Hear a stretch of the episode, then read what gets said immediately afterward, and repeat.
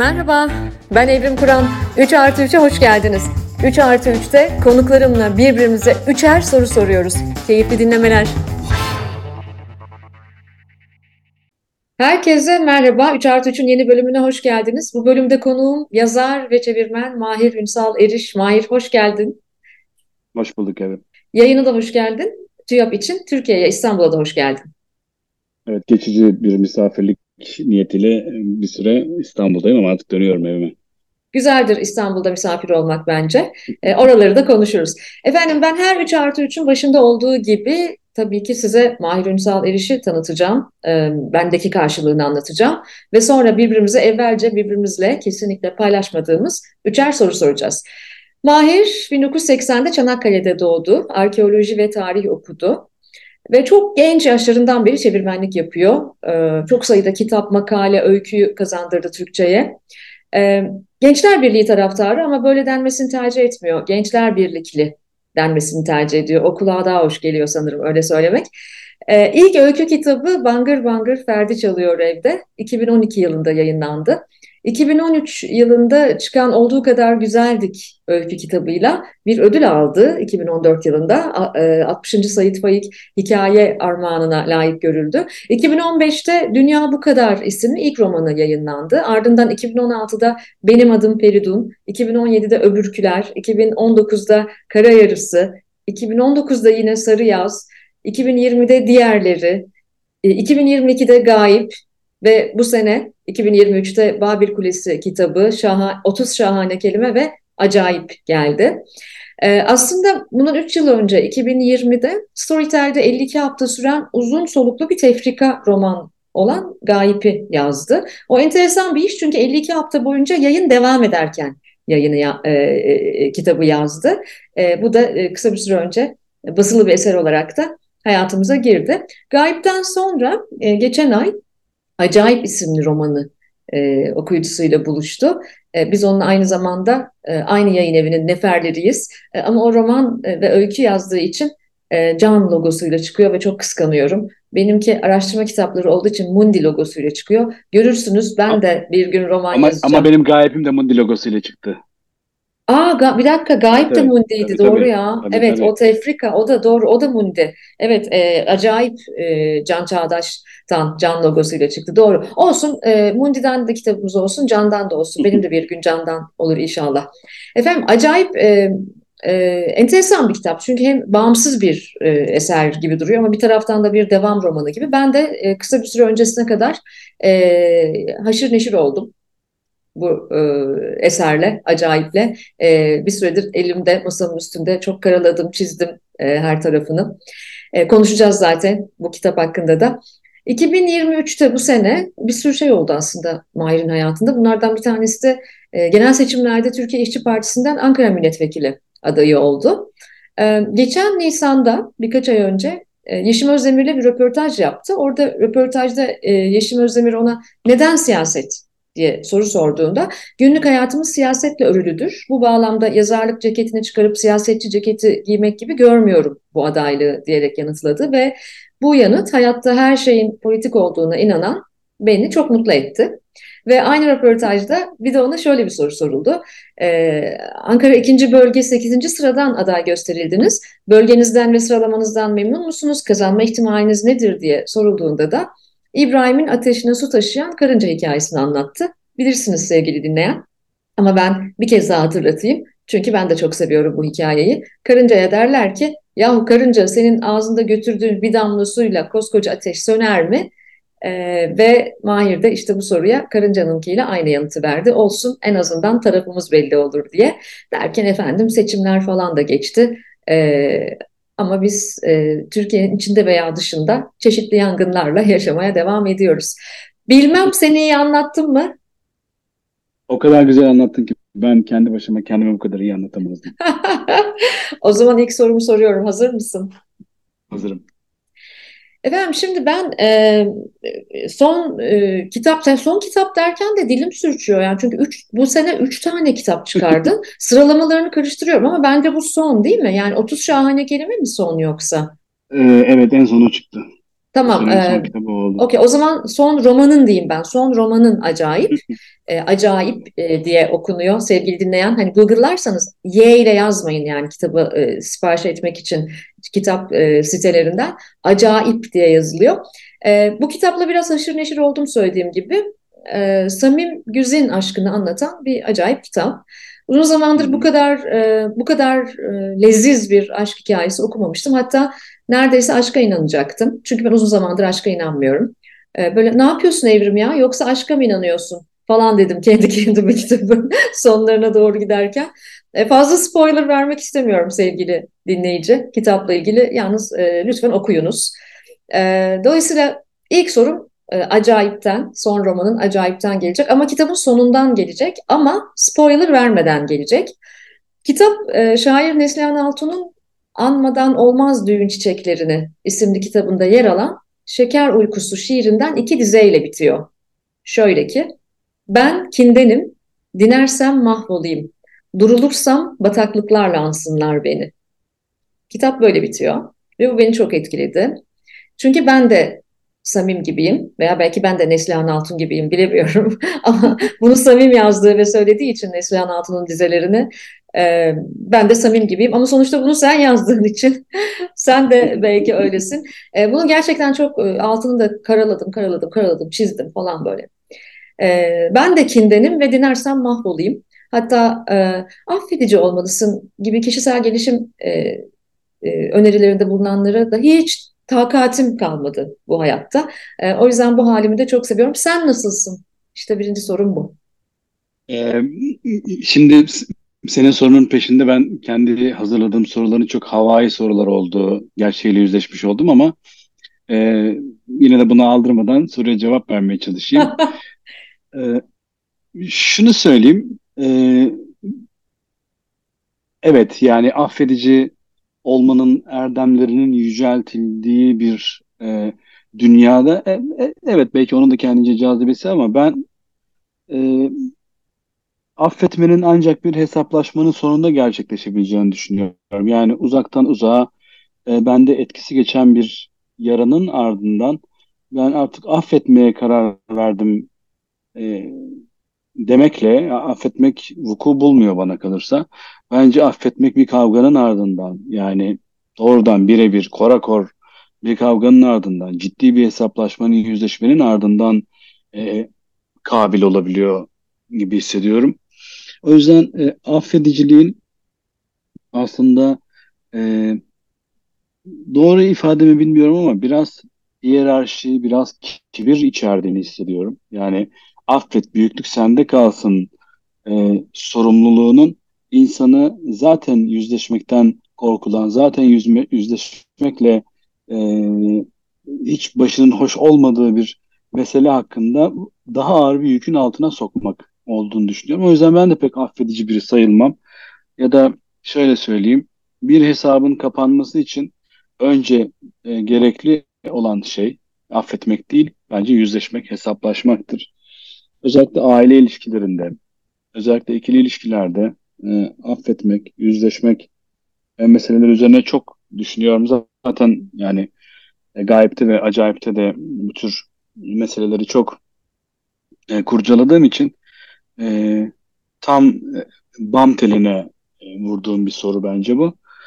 E, bir de ben galiba biraz kindarım. Yani hani bütün bu şey hani yazar gömleğini ya da işte burada işte kitabımı, edebiyatı bilmem ne falan filan konuşmaya gelmiş biri e, gibi e, davranmayı bir kenara bırakacak olursam kişisel olarak da ben biraz kindarım galiba. Böyle e, çabuk alınmam ama alındığım zaman e, tamir edilmesi zor e, biriyim galiba. Yani kendi ar, kendimin arkadaşlık etmek isteyeceği biri değilim. Yani şahsen e, kendimi şahsen tanıyor olsaydım e, çok iyi bir arkadaşlığım olmazdı diye düşünüyorum. E, o yüzden de arkadaşım biraz azdır zaten. Belki de tam da bu yüzden e, kendinin arkadaşlık etmek isteyeceğin birisi. Ee, Sap, sapsata, zaten, sapsata yok hayatında belki de sapsatalar az yani. E, zaten gelinen noktada kendimle arkadaşlık etmeye mahkum bir hayatım oldu da diyebilirim yani hani e, oturup böyle romanlar, hikayeler bilmem neler e, kurup orada kendime dünyalar ve mahsusçuktan insanlar yaratıp onların arasında yaşamaya çalışmak falan hiç sağlıklı bir hale değil tabii. Öyle, evet öyle. Ama ben e, senin iyi bir okurunum ve senin sözcüklerini okuduğum zaman e, zaten taşıyor senin de aslında e, bence bir miktar Samim gibi olduğun veya bir miktar Neslihan Altun'un yazdığı gibi veya bir miktar benim gibi olduğun dinlersem mahvolayım. Şahane gerçekten, şahane. Peki, o zaman birinci soru sırası sende. Ee, Valla benimkiler gerçekten dediğim gibi yani senin e, sorunun karşısında biraz böyle e, gençlik dergilerindeki anket soruları gibi Olsun. Oradan da es- sanat eseri çıkarırız biz. kaldı Yaz- ama yazar değil miyiz? evet sana güveniyorum bu konuda ve soruyorum.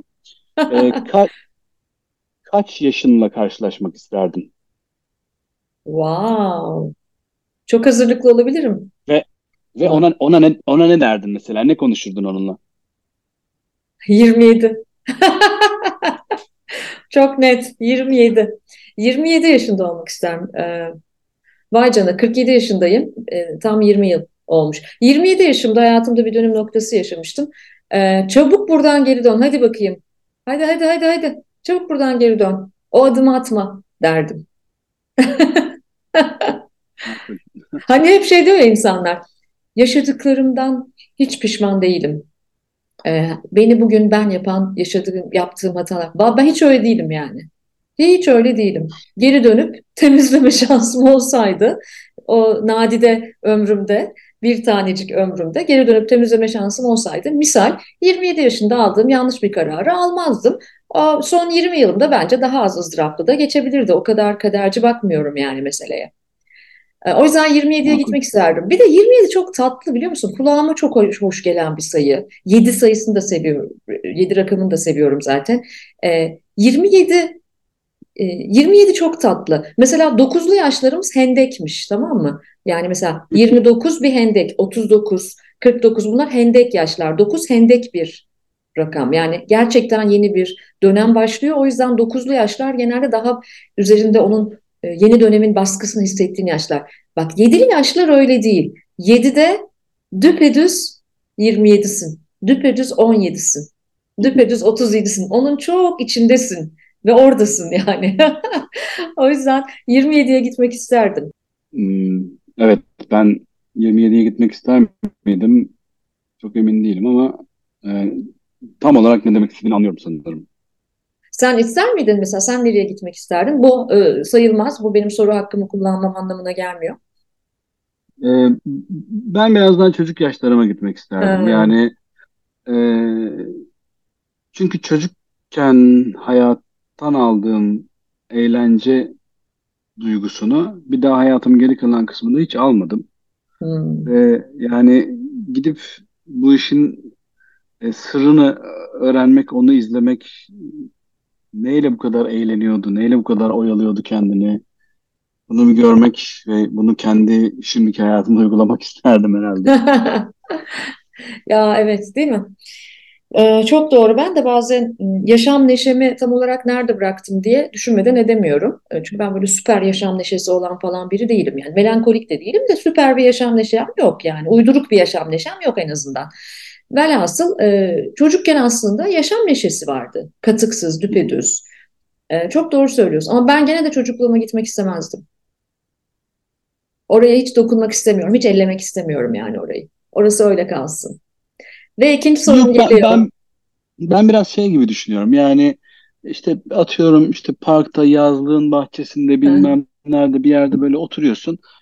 Bir, bir amca geliyor yani sana işte böyle e, ki muhabbet ediyorsun işte seni gözlüyor, izliyor falan filan sonra çekiyor gidiyor gibi. Hani böyle hayatına müda- müdahale etmeden.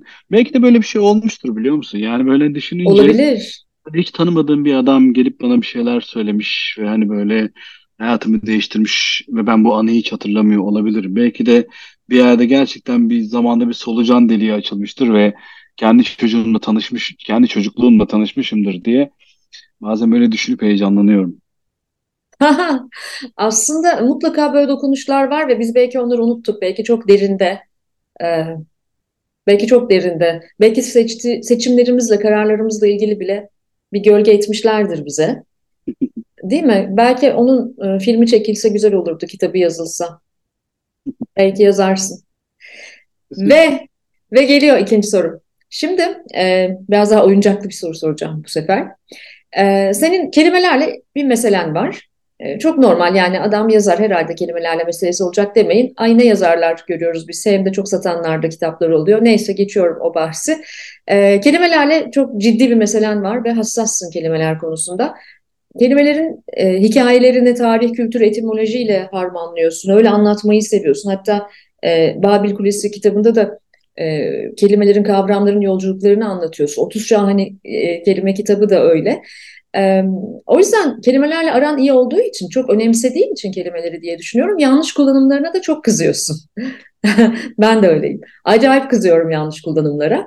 Hatta Twitter'da ya da yeni tabiriyle X'te sabitlediğin bir paylaşımın var. Arkadaşlar umarsız, umursamaz değil, çaresiz demektir. Ya ben bunu dünyanın çatısına çıkıp bağırmak istiyorum. Arkadaşlar, arkadaşlar umarsız, umursamaz değil, çaresiz demektir. Çünkü tanıdığım ve eğitimine, okur yazarlığına çok güvendiğim çok fazla insan umursamaz demek isterken umarsız diyor. Nasıl böyle bir şey yapabiliyoruz İnanamıyorum ve ben yoruluyorum artık bunu düzeltmekten.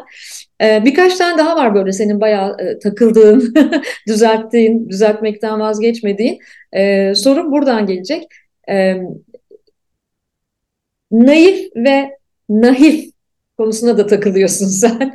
Ee, sana böyle umur, umarsız ve umursamazı söyledim ama tıpkı bunun gibi dört tane daha e, birbirinin yerine yanlış kullanılan ifade soracağım. Bir de bize e, ikincisiyle devam ediyorum. Naif ve nahif.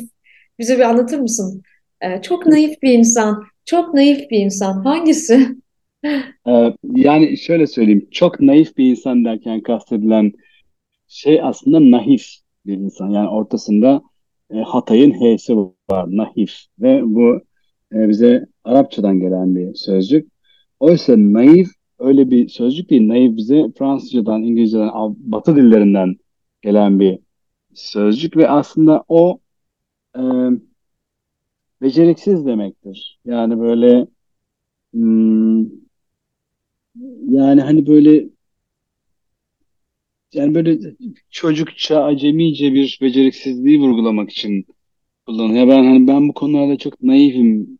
Ee, hani böyle yani bu konuya aklım, becerim yetmeyebilir demek aslında ama bizde mesela özellikle benim e, öykü kitaplarından sonra çok e, maruz kaldığım e, yakıştırmalardan biriydi. Ne kadar naif öyküler falan.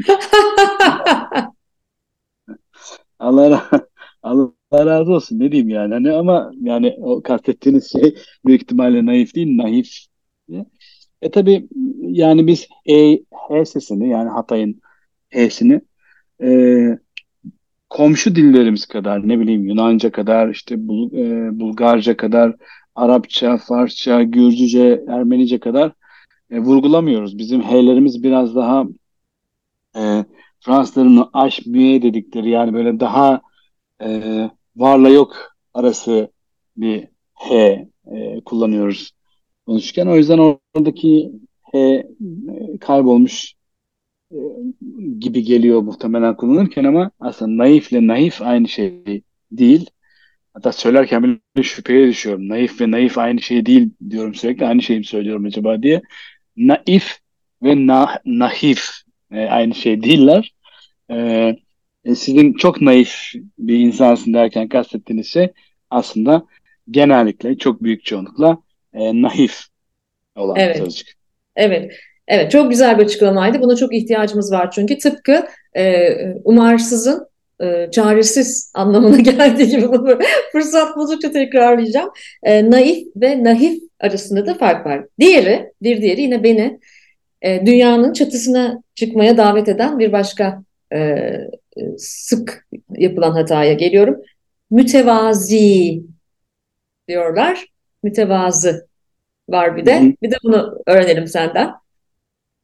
E, şimdi mütevazi ile mütevazi arasında aslında e, görüntüde e, çok dikkatli gözlerin seçebileceği ama mana evreninde çok derin bir fark var. Şöyle ki e, tevazu sözcüğünün e, başka bir Arapça vezinle çok o, o kadar ayrıntıya girmeyeyim de başka bir Arapça vezinle çekilerek e, yakın bir anlama gelen hali mütevazı. E, tevazu sahibi demek. Yani e, tevazu demediğimiz için ona da mütevazi demiyoruz. Mütevazu diyoruz. O da mütevazı oluyor. E, fakat mütevazi e, e, o o başka bir kökten geliyor Arapçada. O paralel demektir. Birbirine koşut e, anlamına gelir. Yani e, işte birine mütevazilik e, yakıştırdığınızda e, aslında onun geometrik varoluşu üzerine bir şeyler söylüyor olabilirsiniz. E, doğrusu tevazudur, mütevazıdır. Yine buna çok benzeyen e, ve böyle dile daha daha oturduğu için e, çok söylerken e, yanlış gelmeyen başka bir şey de vehamet ve vahamet meselesidir. E, vehamet evet evet daha daha kolay geliyor belki dile ama aslında vahamet söylerken yine vehamet demekte problem yok ama yazarken e, vahamet yazmak gerekir. Çünkü vahimle aynı gökten gelir o.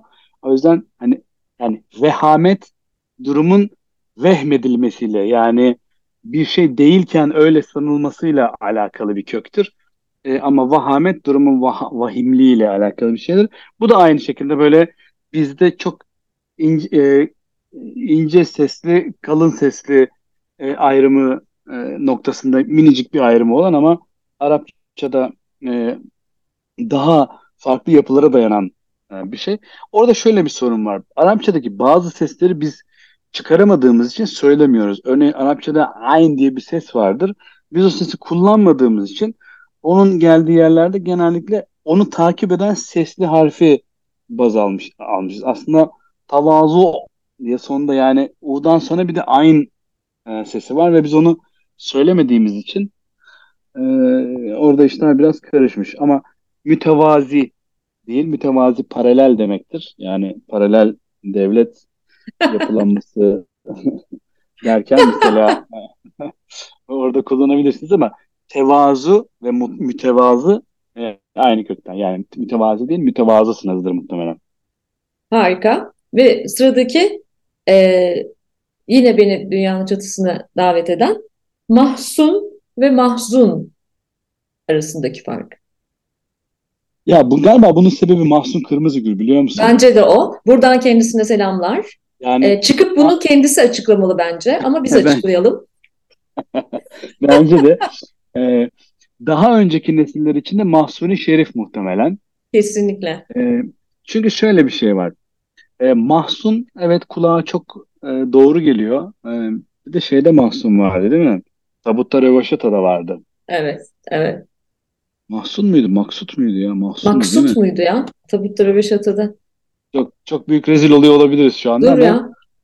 Hemen kontrol edeyim ya bir Hemen dakika. kontrol et lütfen. Bu arada o zaman şey diyelim e, sevgili dinleyen Tabutta Röveşata'yı izlemeyen varsa lütfen izlesin e, ki bize itiraz ediverin. Mahsun Ahmet Uğurlu'nun karakteri Evet, Mahsun orada evet.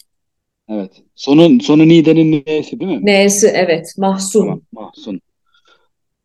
Ee, şimdi şöyle bir şey. Ee, mahzun olmakla yani e, zeytinin z'si ile mahzun olmakla mahzun ara, olmak arasında fark var. Çünkü mahzun bizim hüzünden de tanıdığımız bir kök.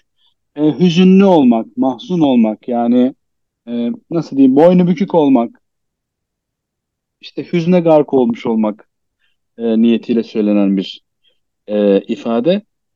Mahzun da e, tıpkı yani özel isimlerde çok rastladığımız Hüseyin, işte Hüsnü, Hasan, Hüsna gibi işte o köklerden bildiğimiz Arapçada güzel sözcüğünden hüsn yani hüsnü aşk vardır ya hani oradaki hüsn sözcüğünden türemiş bir şey.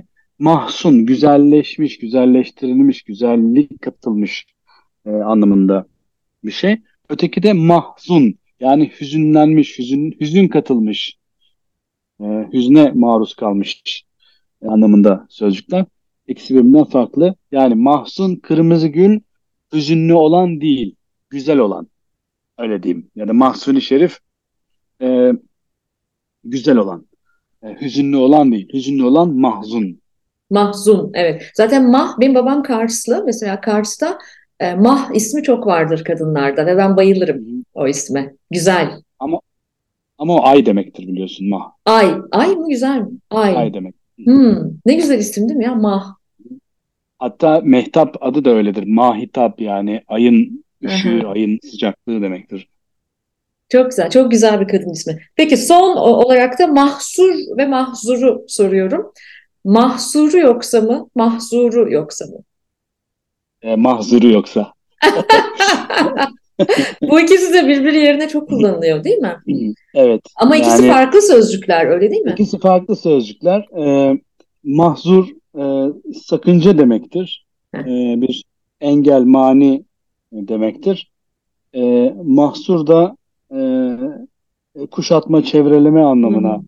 gelir. Mahsur Aslında kalmak, mahsur kaldım evet, mesela değil evet mi? mahsur kalmak. Hatta şey derler, Viyana muhasarası derler mesela Hmm. Viyana kuşatmasına. Ya da mesela şehri kuşatan duvarlara hisar denir. O da aynı kökten Hı hı. e, gelmek üzere. E, mah, mahsur e, kuşatmayla alakalı bir şey.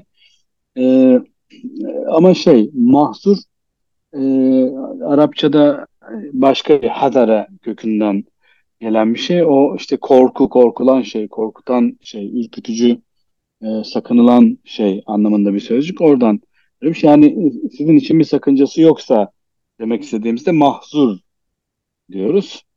E, ama sizi kuşatan bir şey yoksa e, demek istersek o zaman bir mahsuru yoksa diyebiliriz. E, ter döktüm diyebilirim yani.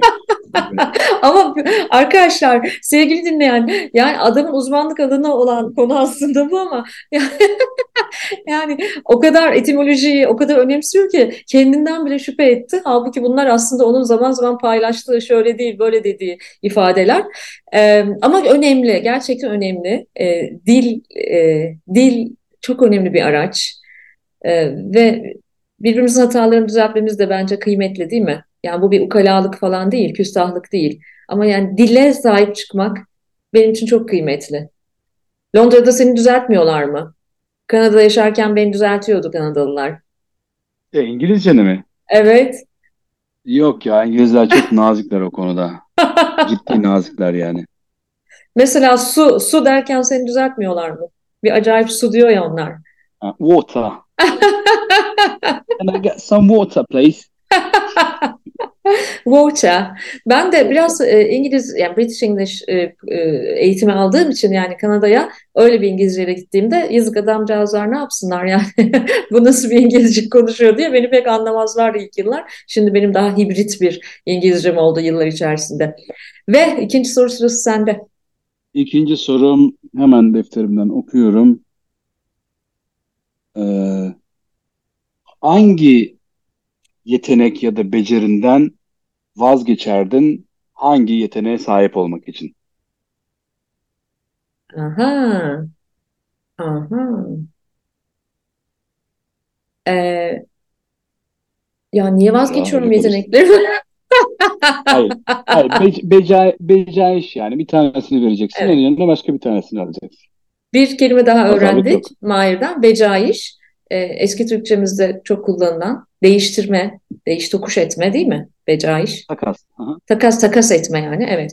Ee, mesela çok bir kere ekmek teknem olan yani benim için önemli bir yeteneğim ko- konuşma profesyonel konuşma yeteneğim yani ben profesyonel bir konuşmacıyım aynı zamanda.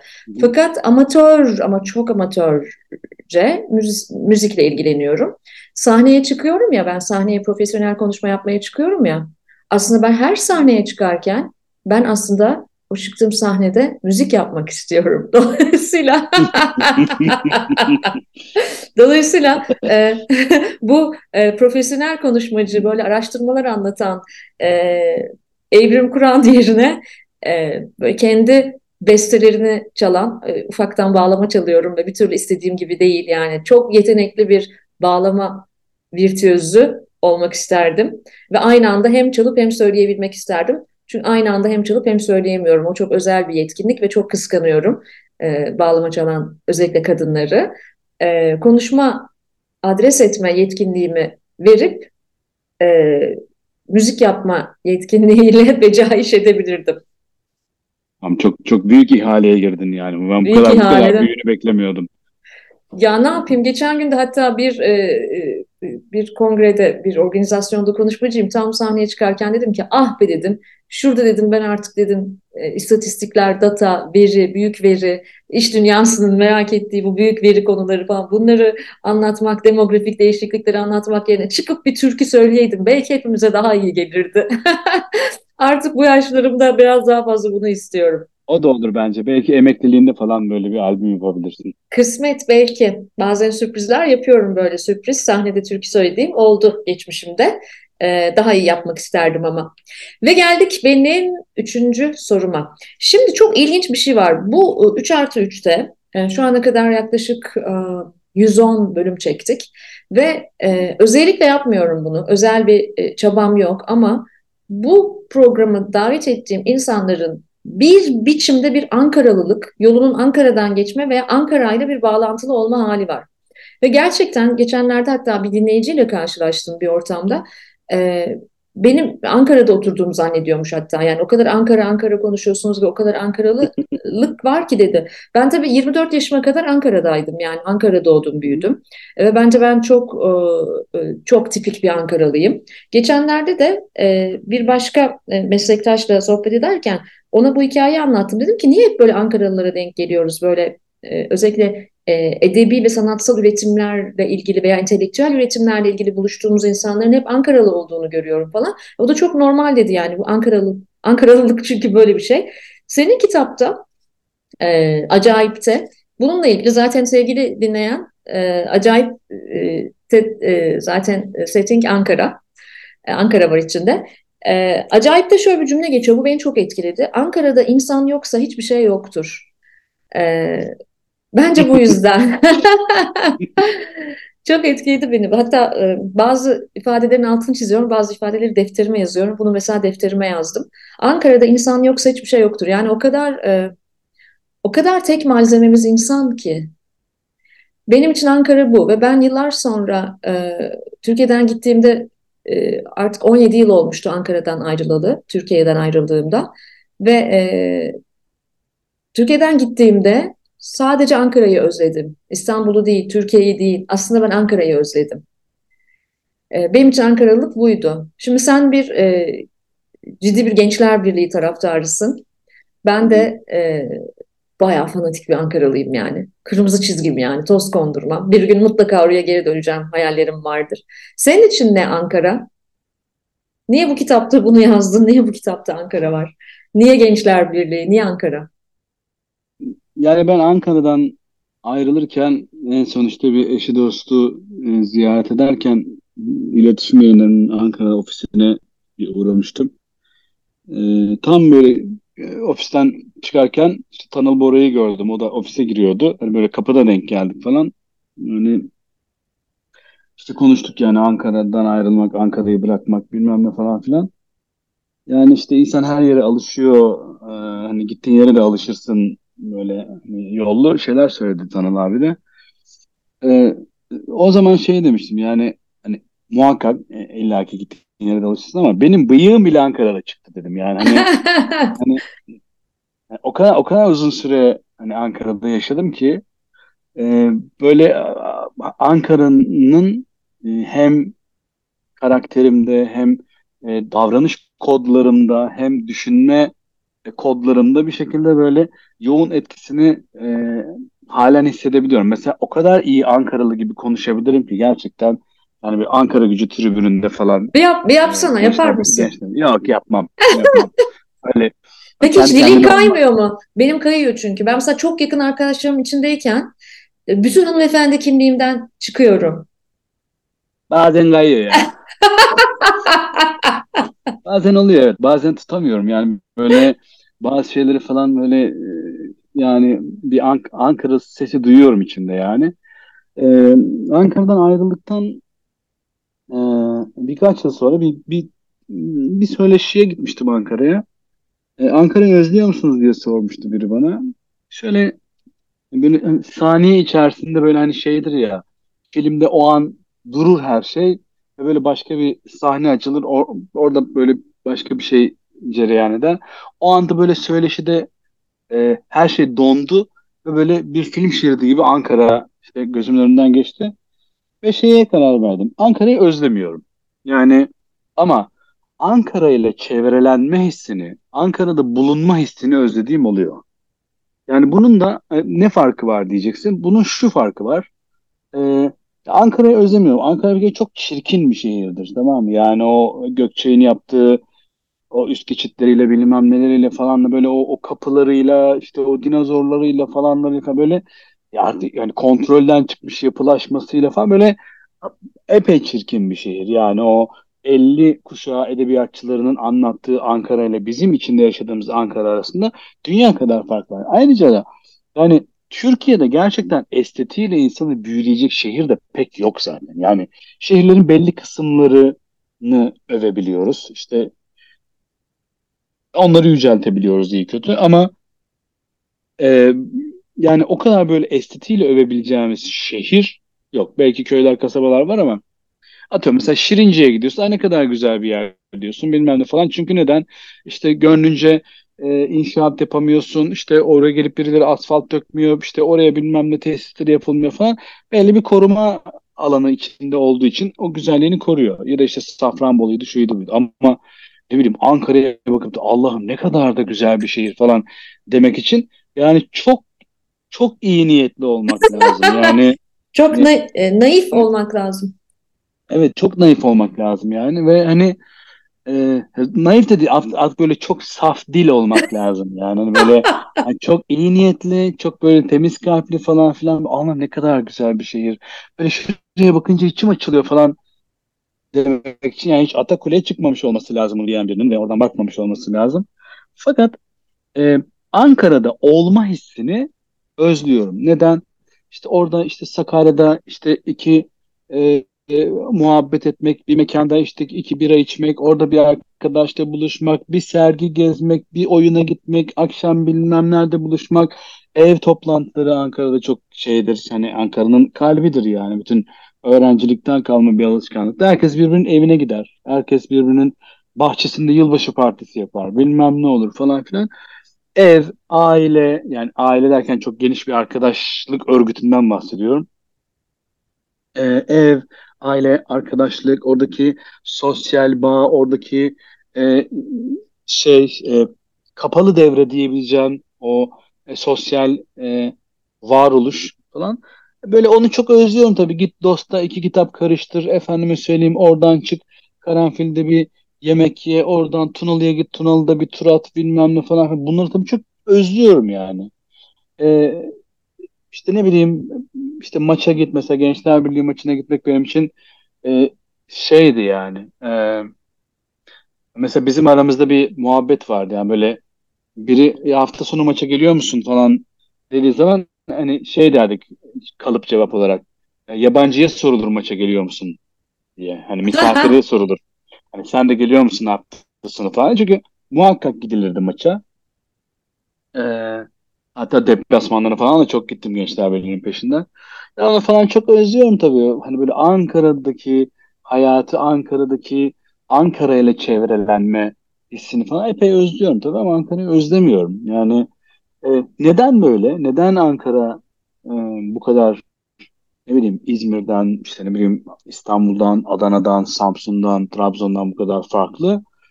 E, yani Türkiye haritası üzerine bir uçtan bir uca ne kadar çok doğru çizerseniz sizin bir şekilde Ankara'daki hakikaten memleketin çok ortasında bir yer ve çok acayipliklerle dolu bir yerdi. Yani şeyi çok iyi bilirsin. An- Türkiye'de en taze balık Ankara'da yenir.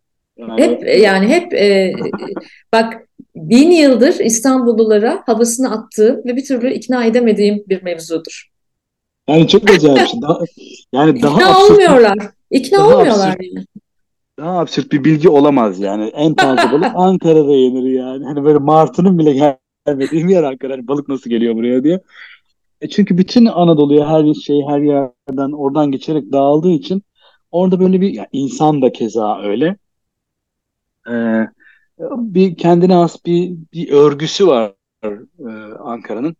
Ve böyle e, bir yandan da şey de yani edebiyatçısı, işte ne bileyim ressamı, heykeltıraşı, müzisyeni bilmem nesi falan filan. E, zengin de bir yer ve çok ilginç bir şey var biliyor musun? Yani mesela bazen böyle televizyon dizilerinde falan çalışıyorum bilmem ne falan. Şey soruyorum mesela ekipte kimler var diyorum. İşte Ali var, Veli var bilmem ne. Mesela duyunca şey diyorum. Ha Veli mi var o bizim dil tarihlidir falan diyorum. Ve mesela o zaman o ekibe daha kolay giriyorum mesela. Eğer bir Ankaralı varsa daha kolay giriyorum. Ya, ya da işte mesela bir Ankaralı bir yerde bir oyun çıkarıyor. E, müziğini Ankaralı bilmem ne grubuna yaptırıyor. İkisi de İstanbul'da bu arada falan. Hani böyle bir şey de var yani böyle hemşericilik falan bağı da var herhalde Ankara'da. O da hoşuma gidiyor yani. Kesinlikle var. Ben e, bir de kan çekiyor galiba. Böyle görür görmez anlıyoruz.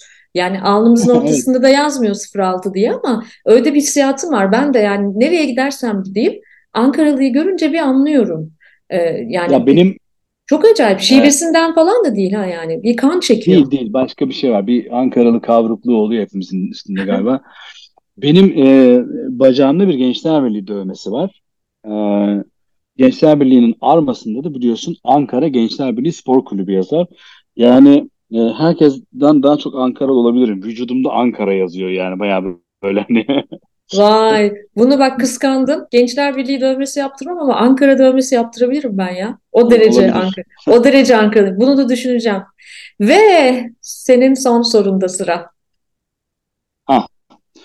Ee, tamam yine bir e, Hey Girl Blue Jean e, Ama şimdi Hey Girl Blue Jean deyince belli bir jenerasyon hiç anlamayacak. Ne olduğunu açıkla istersen. Ama bizim... biz oldular, biz oldular anlıyoruz. bizim kuşak sevgili dinleyen, bizim kuşakta e, ay kokusu burn, burnuma geldi şu an biliyor musun? O ne kaliteli kuş eki atmış ki sonra hiçbir dergilerde öyle kokuları olmadı yani. Öyle mürekkepler kokmadı. Bizim Çok gençliğimizin dergileri. böleceğim. Evet. Lafını böleceğim sen açıklamana devam etmeden önce. Tamam. E, geçenlerde bir e, yazar buluşması yaptık. Bir yazar yemeği yedik böyle bir sürü yazar. E, orada Doğu Yücel de vardı. Doğu Yücel'i çok severim ben. Dünya harikası bir adamdır. E, o biliyorsun o dergilerde metin yazarlığı falan yaptı çok uzun yıllar. Fakat ilginç bir şekilde Hey Girl'ler, Blue Jean'ler bilmem neler falan filan bitti. Fakat Doğu öyle mucizevi bir genetik e, yapısı var ki asla yaşlanmıyor ve böyle hala Blue Jean ve Hey Girl dergileri çıkıyormuşçasına aynı gençlikte yaşamaya devam ediyor. Böyle en ufak bir kırışık yok, tek bir beyaz saçı yok, bilmem nesi yok falan filan. Diyorum ki yani şeyin Hey Girl ve Blue Jean'in yaşayan umudusun yani. Belki bir gün yine çıkarız diyor olabilirler seni gördükçe. Ya benim gençliğimde o kadar önemli ki çünkü çok az paramız var. Tamam mı? Ve o yani şu an benim için mesela Hey Girl Blue Jean dediğinde sen çok pahalı bir şey böyle çok pahalı taslama kapaklı bir kitap alıyormuşum gibi falan hissi yaşıyorum. Çünkü çok az paramız var ve anneme de çaktırmadan alıyorum. Annem bu arada hmm. dergi demiyor, mecmua diyor. Ve şöyle diyor, gene mi o mecmuayı aldın diyor. Neden bilmiyorum. Anne niye böyleydin? Annem hep dinler bölümlerimi. E, o dergileri almama e, çok e, korkuyor, üzülüyor falan böyle. Özellikle Hey Girl'dan çok endişe ediyor tamam mı? Kötü yola düştü. Kötü yola mı düşürecek kızı falan diye. Ee, ama gerçekten ne değerliydi. Odamızın duvarlarını o posterler her zaman süslerdi. Ee, harika bir gençlikti. Şükürler olsun Ankara'da gençliğini yaşamış Hey Girl, Blue Jean okuyan kuşağı. Bence de. O zaman sana Hey Girl sorum geliyor şimdi. Şimdi bir sabah uyandın. Aynaya baktın. Ve aynadaki sen değilsin. Ee, kim olsa okey deyip hayatına devam et, edebilirdin? Penelope Cruz. Nasıl uzun uzun düşüneceğimi zannediyorsun değil mi? Hiç bunu beklemiyordum. İşte böyle Madame Jolie Curie falan gibi böyle hani başka bir şey bekliyorum. Vallahi yemin ederim Penelope Cruz. Çünkü ne bileyim ya anlık geldi. Anlık. ee, ben yani acayip beğeniyorum. Olmaz mıydı? Ben de bir sabah uyandığımda kendimi Penelope Cruz olarak bulsam ben de itiraz etmem. Yani e, e, otursak hani e, yani gerçekten hani bu dünyada e, değer yaratmış bir kadın ne bileyim yani e, edebiyat dünyasından bir kadın falan edebiyatçıyım ben bir de yani hani başka bir şeyler belki söylemem gerekirdi ya da bir feministim ne bileyim işte Bell Hooks olarak uyanmak isterdim falan belki demem gerekirdi ama Penelope Cruz olarak uyanmak istiyorum çünkü Javier Bardem hayranıyım. Bütün mesele bu. Giderek daha da büyüyen bir projeye dönüştü. Bence e, çok hoş. Ben e, bir şeyde e, Toronto e, International Film Festival TIFF dönemi e, dönemlerinde işte her sene Ekim'de TIFF oluyor. E, karı koca gelirler hep. Özellikle de her sene mutlaka bir yeni filmleri oluyor. E, zaman zaman tekil, Javier'i tek izlediğim olmuştur. E, çünkü hani biliyorsun e, Kuzey Amerika'da böyle erişilmez insanlar değiller oyuncular. yani hani onlar böyle e, filmlerinin premierlerinde halkla bir araya geliyorlar, sohbet ediyorlar, konuşuyorlar, soruları yanıtlıyorlar falan. E, en son e, filmin adını unuttum ya neydi bir şu İranlı yönetmenin filminde işte beraber oynamışlardı. Barcelona'da geçen filmleri adını unuttum şimdi. Neyse işte en son beraber geldiler. Aman ya ne kadar zarif, ne kadar zarif bir insan. E, ne kadar güzel bir arkadaşlığı var Penelope ile. Böyle bayılmıştım yani. Aşka me meşke düştüğümden değil. Çok hoşuma gidiyor onların dinamikleri. E, ve Penelope Cruz bence çok güzel bir kadın. Çok gerçek bir kadın. E, çok nasıl söyleyeyim? Çok kadın kadın yani. Öyle değil mi? Ee, yani. Beğenmiyor musun? Sevmiyor musun? Oyuncu yok, olarak. Hayır yok, yok çok tartışma götürmez bir şey sordun. Değil yani hani bunu sormanı bile garipsedim. O yüzden ne diyeceğimi bilemedim. Çok gerçek değil mi? Yani e, şey e, e, vücudun yani yüzündeki çirkin ve keskin hatlarıyla beraber ne kadar gerçek, ne kadar sahici, hı hı. ne kadar e, bütün yüzü konuşuyor. Kitap gibi bir kadın ya çok acayip, çok beğeniyorum. Çok da iyi bir oyuncu olduğunu düşünüyorum. E, o yüzden tabii ki bir sabah e, Penelope Cruz olarak kalkmayı isterdim. Ee, biraz biraz çabayla belki ben de evde kendi imkanlarımla Cruz olabilirim. Mahir'cim çok teşekkür ediyorum. İyi ki geldin. 3 artı 3'ü şenlendirdin. Ee, umarım e, TÜYAP'ta güzel vakit geçirmişsindir. TÜYAP'ı konuşamadık. Ama ben bir süredir e, TÜYAP'a gitmiyorum. En son geçen sene gitmiştim ama hemen geri döndüm. E, ve her geçen gün azalan TÜYAP e, ziyaretçi sayısını görmekten de çok e, üzülüyorum. Ama e, bizim Ankara TÜYAP'larımızı hatırlıyorum. Ankara TÜYAP'larımızda hiçbir teknolojik aletimiz yokken saatlerce e, çok e, uzun kuyruklarda imza beklediğimiz zamanları. Dilerim o zamanlara e, döneriz. Yeni jenerasyondan umutluyum aslında. Dilerim o zamanlara döneriz. Dilerim daha fazla okurla buluşuruz hepimiz. E, dilerim sen de daha çok e, daha çok yazar, daha çok çevirirsin. E, hiç çeviri konularına da giremedik ama e, başta da anlattım Mahir aynı zamanda çok iyi bir çevirmen. E, şimdilik memleketin tadını çıkarmanı ümit ediyorum kalan kısmıyla ve e, yeni memleketine giderken iyi yolculuklar diliyorum sana. Çok teşekkür ederim beni ağırladığın için. Çok sağ ol, çok incesin.